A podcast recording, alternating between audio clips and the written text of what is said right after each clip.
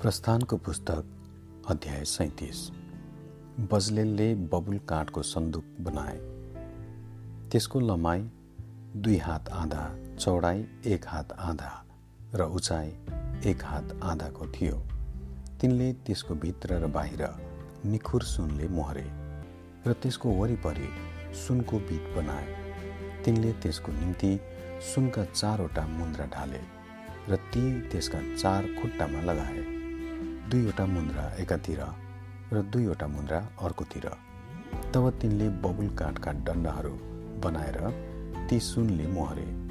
तिनले ती डन्डाहरू सन्दुकका दुवैतिर भएका मुन्द्राहरूमा त्यो बोक्नका निम्ति हाले। तिनले निखुर सुनको एउटा कृपा आसन बनाए।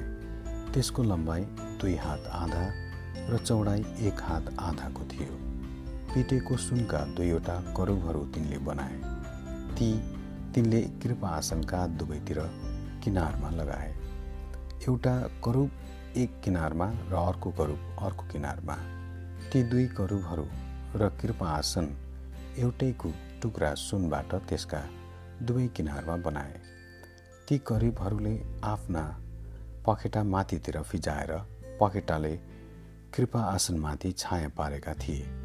तिनीहरूका मुख चाहिँ आम्ने सामने कृपा आसनतिर फर्केका थिए। तिनले बबुल काठको टेबल बनाए। त्यसको लम्बाइ दुई हात चौडाइ एक हात र उचाइ एक हात आधाको थियो। तिनले त्यो निखुर सुनले मोहरे र त्यसका चारैतिर सुनको बिट लगाए। तिनले त्यसका चारैतिर चार अङ्गुल चौडा भएको एउटा घेरो बनाए र घेरोका चारैतिर सुनको बिट लगाए। टेबलको निम्ति तिनले सुनका चारवटा मुन्द्रा ढालेर बनाए र ती मुन्द्राहरू त्यसका चार खुट्टा भएका चारै कुनामा लगाए। ती मुन्द्राहरू टेबल बोक्ने डन्डाहरूका निम्ति ठाउँ हुनलाई घेरेको छेउमा थिए।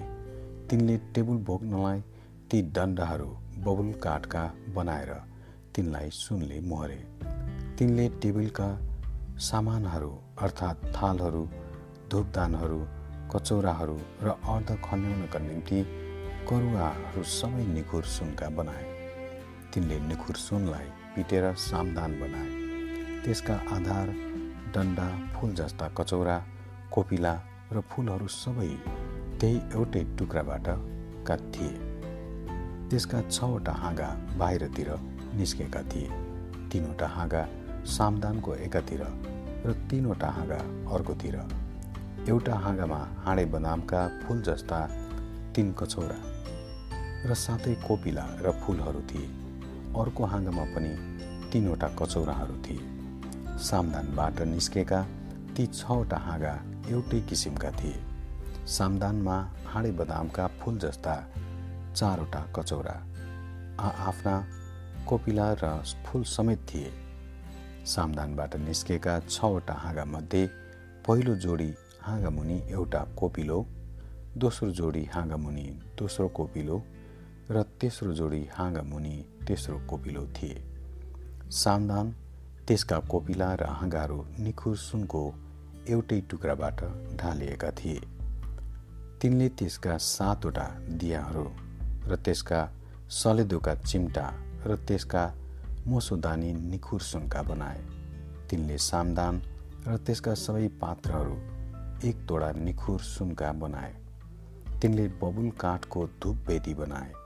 त्यसको लमाइ एक हात र चौडाइ एक हातको थियो। त्यो वर्गाकार थियो र त्यसको उचाइ दुई हातको थियो। त्यसका सिंहहरू त्यही एउटै टुक्रा काठकै थिए। तिनले त्यसका माथिल्लो र चारैतिरका पाटाहरू त्यसका सिंहहरू समेत निखुर सुनले मोहरे र त्यसको निम्ति वरिपरि सुनको एउटा बिट बनाए। त्यो बोक्ने डन्डाहरूका निम्ति घर हुनलाई तिनले त्यसको बिटमुनि वेदीका दुवै पाटका सुनका दुईवटा मुद्रा बनाएर त्यसका दुईतिर लगाए। डन्डाहरू बबुल काठका बनाएर ती तिनले सुनले मोहरे।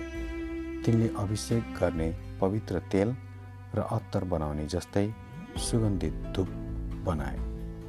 आमेन।